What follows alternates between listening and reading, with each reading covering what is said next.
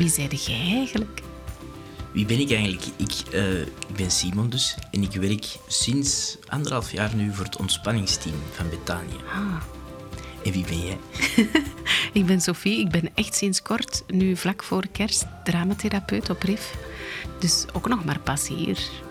Dus ik vind dat eigenlijk wel tof dat wij aan de hand van het jaarboek dat domein hier een beetje gaan leren kennen. Ja, wij hebben veel vragen. Ja, voilà.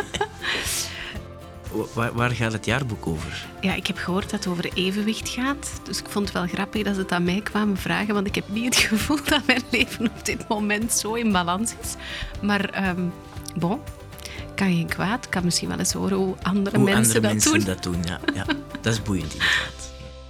Dus het jaarboek 2021 wordt een podcast. Die heet Balans. Schoon, hè? Om het over evenwicht te hebben met heel veel verschillende gasten. De komende zeven afleveringen zullen allemaal collega's en medewerkers van ons zijn. Die komen spreken over evenwicht in 2021. Wat ze verwezenlijkt hebben, wat de moeilijkheden waren. En zo ehm, krijgen wij wat zicht op Betanië. Hè?